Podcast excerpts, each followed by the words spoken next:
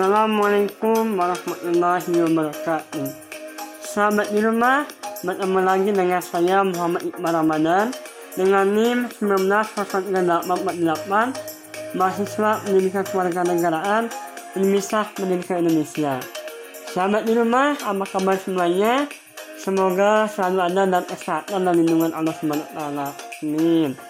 Dalam kesempatan ini, saya akan memberikan tanggapan dan analisis saya mengenai materi yang disampaikan oleh kelompok 17 yaitu mengenai ekological citizenship. Nah, menurut saya ekological citizenship ini sangatlah penting sebab ekological citizenship ini yang pada tingkatnya meliputi pemahaman tentang isu-isu ekologi hak-hak tanggung jawab warga negara dalam isu lingkungan hidup tidak hanya itu. Kewarganegaraan ekologis juga mencakup upaya mengatasi masalah lingkungan sekaligus untuk mempromosikan interaksi manusia yang positif dan berkelanjutan dengan lingkungan sekitar.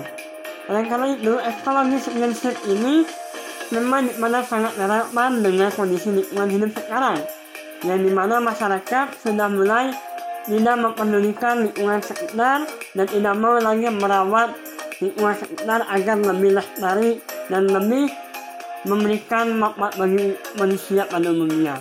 Oleh karena itu, dalam mendidik warga negara dibutuhkan materi mengenai ekologika citizenship sebagai bentuk pendidikan karakter agar masyarakat dan warga negara yang ada dalam sebuah negara itu dapat menghargai dan melestarikan lingkungan alam sekitarnya.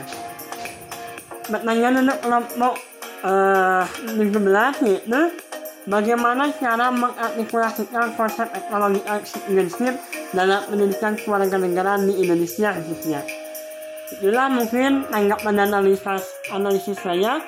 Wassalamualaikum warahmatullahi wabarakatuh.